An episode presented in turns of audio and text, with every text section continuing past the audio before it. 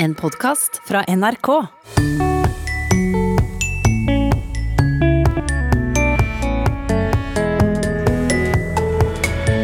Hun ble så Chaplin-sint, skriver Jan Kjærstad i en av bøkene sine. Men hvor kommer det uttrykket fra? Har han funnet på det sjøl, spør en lytter. Ja da, han er, eh, han er på sporet der. Når man blir Chaplin-sint, så blir man komisk sint. Og Chaplin er ikke det eneste ordet Kjærstad bruker på nye måter. På låven sitter nissen med sin julegrøt, synger vi. Eller er det risgrøt? Eller kanskje aller helst risengrynsgrøt? Jeg ser risengrynsgrøt. For meg så beskriver det råvaren enda mer enn bare ris. Når dukka egentlig risengrynsgrøten opp i språket vårt?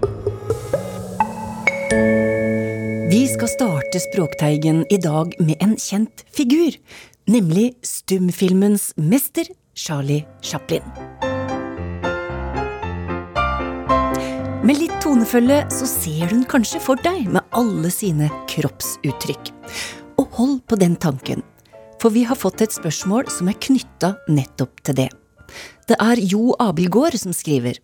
Her en dag kom jeg over et for meg helt ukjent uttrykk i en roman av Jan Kjærstad. Uttrykket sto i følgende sitat. På barneskolen kalte vi henne selvsagt bare Erta Bertha. Vi syntes det var festlig, også fordi hun ble så Chaplin-sint. Sitatet er fra romanen Jeg er brødrene Walker, og Jo spør har døkk hørt dette uttrykket før? Dessuten så skriver Kjærstad uttrykket i to ord, Chaplin og sint, og attpåtil Chaplin med liten c. Og Toril Oppsal, hva sier du til dette? Jo, eh, jeg må først eh, innrømme at jeg ikke har romanen 'Jeg er brødrene Walker' av Jan Kjærstad. Men jeg ble jo veldig nysgjerrig her. Men, men, jeg, men jeg har en mulighet til å finne litt ut av det. For denne romanen er lagt inn i det som heter leksikografisk bokmålskorpus. Som igjen er en sånn samling av tekster. Og interessant nok så, bruk, altså, så dukker denne bruken av Chaplin opp mange ganger i den boka. Det er mange eksempler som skikkelig Chaplin. Og jeg tenkte at alt dette grunnen var litt Chaplin. Det hørtes helt Chaplin ut. Og min favoritt det gnisset helt Chaplin i dunjakkene. Jeg, jeg syns jeg hører det ganske tydelig for meg. Og Jo Abelgaard skriver videre til oss at han tror at det er Jan Kjærstad sjøl som har funnet på dette uttrykket. Og for å få svar på det, så må vi jo rett og slett spørre Jan Kjærstad. Har Jo rett? Ja da, han er, eh, han er på sporet der. Så det, jeg er glad for det, da, at det er så oppvakte lesere. Dette er for å vise da eh, hvor håper å si, kreative man er når man er ung. For at hele den romanen går ut på å vise at puberteten er en undervurdert fase av livet. Da. Alle syns jo det er så fælt, men den romanen går ut på å vise at det er egentlig den fineste fasen i livet. For det er da vi er mest oppfinnsomme, da. Og det viser seg ikke minst på at eh, Odd Marius Valaker, som er hovedpersonen, han lager på mange måter sitt eget språk. Hvor han da har lagd, eh, tatt inn begreper og andre ting, men også ord som han lager, da, som han bruker i språket sitt. Og Chaplin det er jo noe som de fleste forbinder med noe. Og det er jo akkurat den assosiasjonen jeg er ute etter som forfatter, at leseren da skal tenke hvem var Chaplin. Da, da vil man jo tenke det at når man blir Chaplin-sint, så blir man komisk sint. Altså at det er, en, det er morsomt å se på da, for de som gjør denne personen sint. Som du sier, hovedpersonen Odd Marius Vallaker har et helt eget eh, vokabular som du har utvikla, og det står mange ord på den ordlista du har sendt meg? Det er masse ord, da, men alle ordene skal være ganske Altså ha sterke assosiasjoner i seg, sånn at leseren har da sjansen til å være med og dikte på disse ordene. Så når, når han da sier 'fitti beluga', istedenfor da 'fy faen' eller 'fytti rakkeren', da, så er det fordi at han en gang fikk smake beluga kaviar. Denne veldig kostbare kaviaren som da skulle være noe av det beste, en delikatesse. ikke sant? Og så, når du smaker det, så syns du det er kjempevondt når du er gutt, da, vel å merke. Uh, så i da den uh, gjengen deres så blir det da et skjellsord, altså fytti beluga. Og når noe er palladio, Ja. Betyr det at det er noe som er veldig fint. Fordi at moren hans er arkitekt.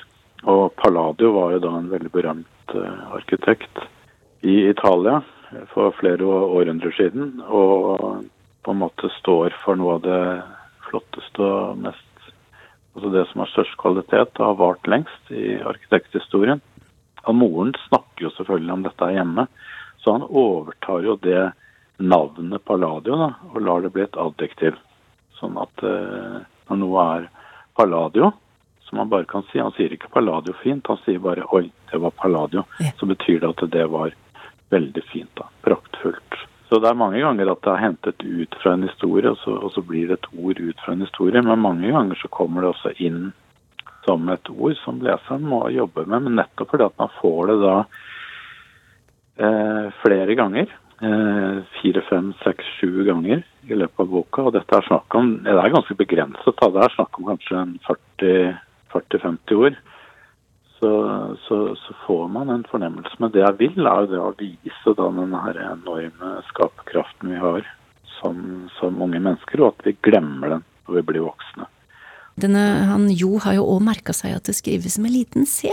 At du skriver Chaplin sint med liten c med to ord. Ja. Er det et bevisst valg òg? Ja da.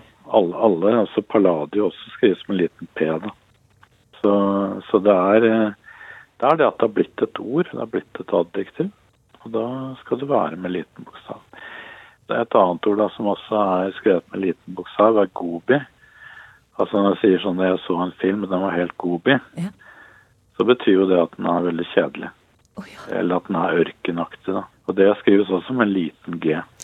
Men du må jo ha henta frem ganske mye kreativitet sjøl òg for å lage dette vokabularet og spre det sånn fint utover i boka? Ja da, men det, er- det er derfor vi syns det er flott å være forfattere. Da. Og dette er jo noe som, eh, noe som forfattere alltid har gjort. Altså dette at man lager språk. Hvis du tenker på Anthony Burgess og den berømte boka 'Clockwork, Clockwork Orange', så lager han der et, eh, et språk for den ungdomsgjengen som er veldig voldelige. Da. Og da bruker han rett og slett russisk. Eh, russiske ord og gjør dem om til en slags sånn normale ord i engelsken. Da. Så det, det, dette var noe som forvirret mange lesere på den tiden. Mens alle som var åpne, da, de skjønte etter hvert hva de forskjellige ordene sto for, selv om de ikke kunne russisk. Hvordan var det å få eh, spørsmål fra en lytter som har merka seg akkurat dette her, som du har Ja, jobba med? det er et stor honnør. Altså, det syns jeg er veldig stas. Så det er jo ingen eh, en forfatter ønsker seg mer da, enn at noen skal bli nysgjerrig og spørre om ord eller det språk man har brukt i en roman. Da har iallfall Jo Abilgaard fått et eh, svar fra deg, Jan Kjærstad. Men vi skal ikke slippe denne tråden riktig ennå. For Jan Kjærstad skriver altså Chaplin sint med liten c og mellomrom mellom de to orda. Men Jo skriver videre at han ville ha brukt stor bokstav i Chaplin og brukt bindestrek mellom de to orda.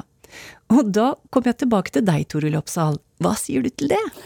Jo, der er Chaplin brukt som et adverb Ja. med en tydelig forsterkende funksjon. Og da er det helt ok, mener jeg, å skrive Chaplin, mellomrom, sint. Og også med en liten c i Chaplin. Ja, for da bruker du det egentlig som om du ville ha sagt fryktelig sint. Yes! Ikke sant? Det er akkurat det jeg gjør. Eller usedvanlig sint, eller Ja. Men vi kan jo også se for oss sammenhenger der dette her blir brukt som et sammensatt adjektiv, hvor vi beskriver noe. F.eks. en ja, en Chaplin-sint hund, for å, for å velge, velge et tilfeldig eksempel. Og da har vi to muligheter til hvordan vi staver dette. Enten i ett ord med en liten forbokstav, eller med en bindestrek. Og da har vi en stor forbokstav i Chaplin. Eh, For dette her kan vi knytte mer allment til sånne sammensetninger der personnavn inngår. Og de følger dette mønsteret. Altså stor forbokstav og bindestrek, eller liten bokstav og sammenskriving. Sånn som Tromsø med stor T, bindestrek, dialekt, Tromsø-dialekt.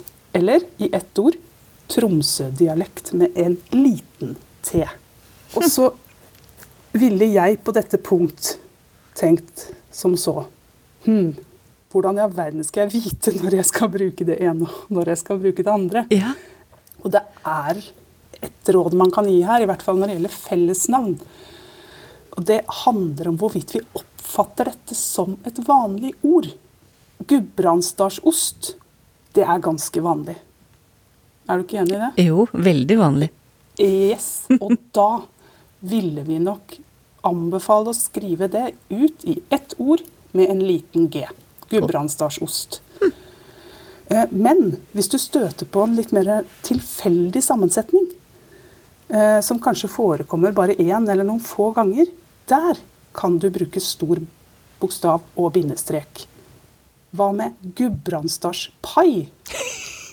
Der har du en sånn variant, hvor, hvor, hvor jeg ville anbefale en stor G og en bindestrek. Så, så, så her er det mulig å tegne et mønster. Men du har begge mulighetene hvis du ønsker å skrive korrekt. Altså stor forbokstav, bindestrek, eller samskrevet med en liten forbokstav.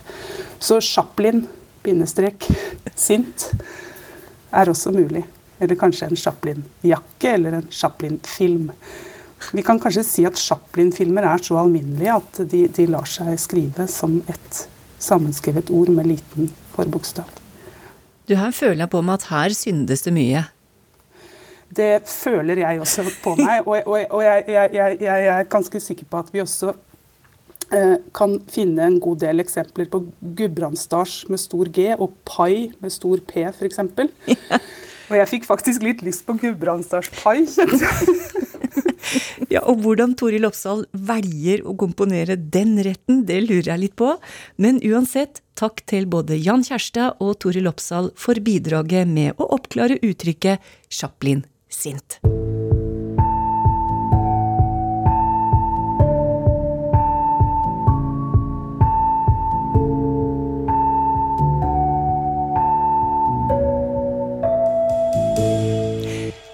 Blir det litt julestemning i Språkteigen, og vi skal prate om en av matretta som mange forbinder med jula, nemlig risengrynsgrøt.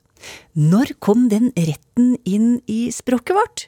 For grøt, det prata dem jo om allerede i norrøn tid, Knut Knutsen Eigeland. Du, til å svare på det spørsmålet trenger vi hjelp av Geir Thomas Risåsen ved Norsk Folkemuseum. Han kaller seg julekonservator på denne tida av året, og han har lett etter tidlige beskrivelser av risengrynsgrøt. Så det er jo en importvare som kom tidlig til Norden. Den kom jo allerede i 1340-åra, i hvert fall det er de eldste kildene vi har. Og den eldste kilden jeg kjenner til i forhold til servering av risengrynsgrøt julaften, det var på Malmehus Malmøhus slott, som den gang var dansk-norsk. Og der ble det da servert risengrynsgrøt med kanel, sukker og mandler og rosiner allerede i 1541. Og da står det at på Slottet så ble det da servert risengrynsgrøt julaften, første nyttårsdag og første påskedag. Så dette var jo en eksklusiv vare som selvfølgelig veldig få andre hadde tilgang på og råd til å servere. Og du skal jo helt ut på 1700-tallet før borgerskapet generelt begynner å servere risengrynsgrøt julaften. Og når det gjelder det breie lag av befolkningen, så skal det nok nærmere 1900 før risengrynsgrøten har erobret det ganske land. Men ikke alle skriftlige kilder gir god nok informasjon. Det er det som er litt av problemet. Vi har f.eks. Fredrik Meltzer i Bergen, som skriver i dagboka for 1798 og 1799 at julaften formiddag så er man da hos gamle mor og spiser julegrøt. Men om det er risengrynsgrøt eller om det er en melk-fløtebasert grøt, det sier kildene ingenting om. Julekonservatoren ønsker seg flere skriftlige kilder som handler om mat. La oss si at det beskrives da at du får en femretters middag, som også Meltzer får da i 1820-åra. Han skriver at det er femretters middag, men, men hva består den middagen av? Hva slags type retter er det som beskrives? Og det er jo også noe med at det er veldig mange slike ting som vi ikke nødvendigvis beskriver fordi at det er så selvfølgelig for oss i samtida. Men i ettertid så kommer spørsmålet hva var det egentlig som beskrives her? Men nå til dags vet vi mer om nordmenns risengrynsgrøtinteresse.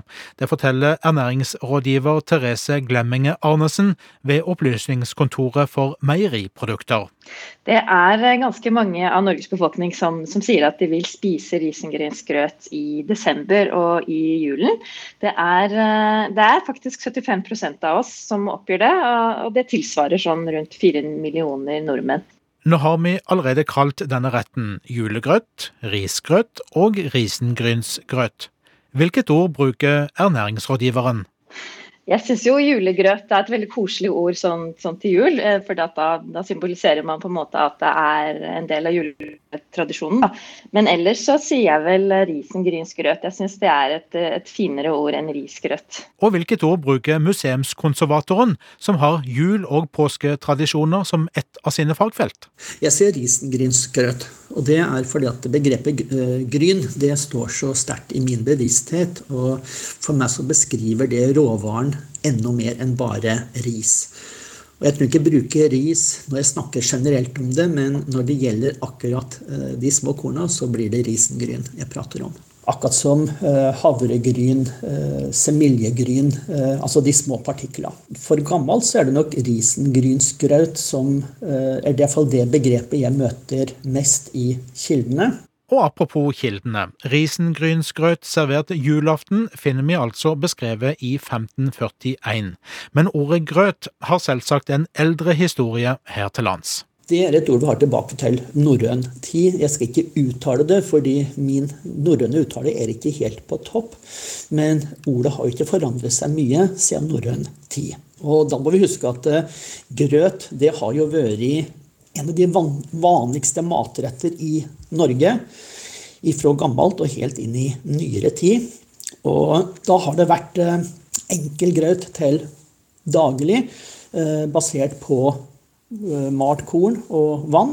Mens til fest så har det da vært liksom rømmegrøt og, og, og, fløyelsgrøt, som er da de finere grøtene basert på melkeprodukter. Og etter hvert da risengrynsgrøt eller risgrøt. Og den urnorske grøttradisjonen ser ikke ut til å bli borte. Eh, julegrøt og risengrynsgrøt er veldig populært eh, hos de unge. De spiser også julegrøt flere ganger eh, i løpet av adventstiden.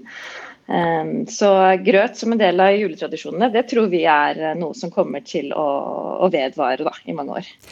Det sa Therese Glemminge Arnesen ved Opplysningskontoret for meieriprodukter. Reporter var Knut Knutsen Eigeland.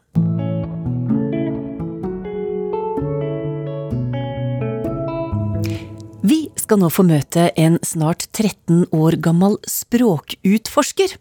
Lennart Jensen fra Burfjorddalen i Kvænangen ble for noen år siden oppmerksom på sin kvenske bakgrunn, og da var det gjort. Han hadde funnet et språk og en kultur å utforske. Og det førte blant annet til at han nå lærer kvensk på skolen.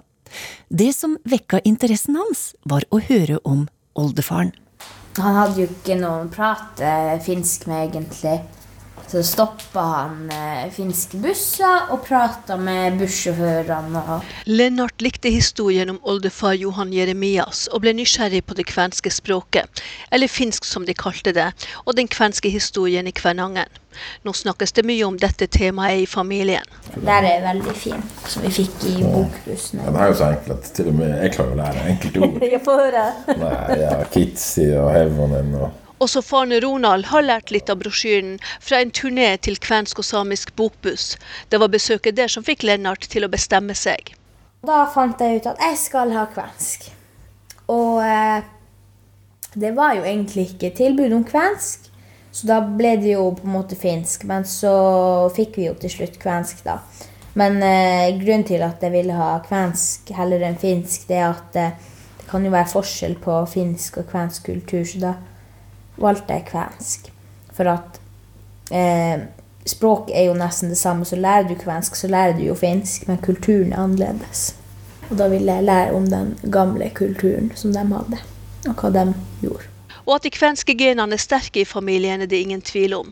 Både faren og mora Siv har kvenske aner, og husker at det ble snakka kvensk hjemme. Og det var jo på å si bestemora mi og, og, og søstera hennes og, og oldemor som snakka da, jeg var- da jeg var liten. Så ble det borte. Og det er klart, man har ikke merket, man har ikke brydd seg om det. Og grave i det og leite? Når han begynte på det, så merker man at noe er blitt borte på veien. og at Man har mistet det. Man husker jo kanskje litt tilbake ord, sånn gamle ord som kommer. Ja. Som man har hørt før, men ikke kanskje visste hva det betydde. Det er jo artig at han tar det opp igjen. For man lærer jo sjøl. Selv om det er tyngre å lære nå enn han har for å lære, så, så lærer man litt.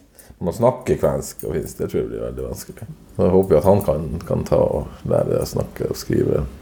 Jeg syns jo for det første det er helt utrolig at han, han har liksom fått interessen for det, og interessen for ikke bare språket, men også kulturen.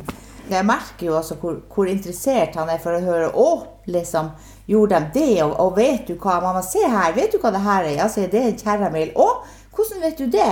Jeg sier fordi at det var en som når jeg var liten som brukte å lage sånn kjæremel Å!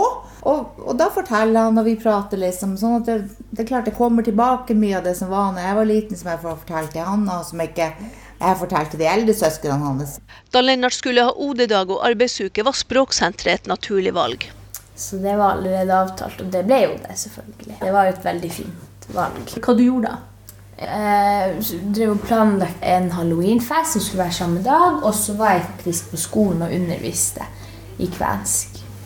Det var jo veldig artig. Lennart er alene om å ta kvensk i sin klasse på ungdomsskolen i Kvænangen. I barneskolen er det én elev. Han syns det er synd at så få velger språket.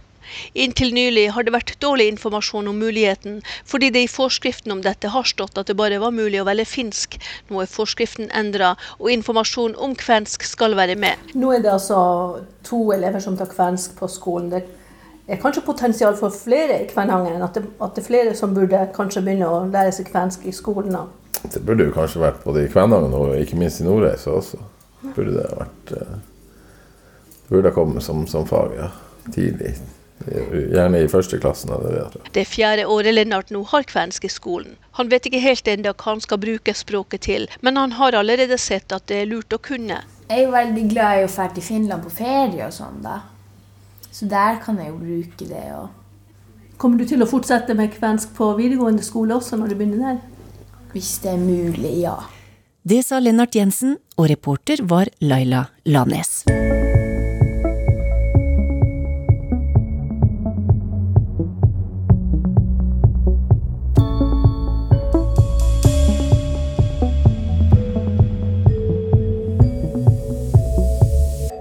Slutt i Språkteigen i dag så skal vi til uttrykket kondolerer. Eirik Haugen skriver til oss at det er et uttrykk han ikke syns noe særlig om. Han liker bedre å si signe minne. Men spør han, hva kjem egentlig kondolerer av? Og jeg spør deg, Sylfest Lomheim. Og jeg er så samd. Signe minne er flott sagt. Og det er ikke bare fordi at det er norsk, kondolerer er jo latin, men eh, det er et flott uttrykk, så hold fram med det. Og så kondolera, det er bygd opp av dolera, eller dolere, kondolere, og så har vi kon. Og kon er jo et ord vi finner igjen i haugevis av ord. Det er et forledd på latin, der det blir skrevet med C, C-O-N, men på norsk skrevet med K-O-N. Det betyr sammen eller med. Og eh, dolere, dolere, det, det er det latinske ordet for smerte. Og de som kan si bibelsoge og litt mer enn det, og søndagsskole, og tenker på krossfestinga av rabbien for 2000 år siden, så har de en, en vegstubb, ei gatestubb i Jerusalem, som de kaller Via Dolorosa. Mm. Og via er det latinske ord for veg. Vegen. Og dolorosa er smertens. Så via dolorosa er smertens veg. Og da kon dolere er medsmerte, eller for å si det på mer naturlig norsk, medkjensle. Mm. Så hvis du kondolerer, så uttrykker du de medkjensle. Så det er jo fint. Men eh, jeg må jo si at det norske uttrykket 'signe minne', da snur vi synsvinkelen, og da tenker vi på vi skal ha et godt minne. Nå signer vi det minnet. Ja. Takk til deg, Sylfest Lomheim. Neste uke skal Språkteigen kåre Årets ord. Vi har fått inn mange, mange forslag, og juryen sitter nå og fintenker på hva slags ord som peker seg mest ut for året vi legger bak oss. Og juryen den består av språksjefen i NRK, Caroline Riise Christiansen, av Toril Oppsal og Sylfest Lomheim. Det blir i neste sending, altså. Da får vi avgjørelsen. Og inntil da, ha det bra. Thank you.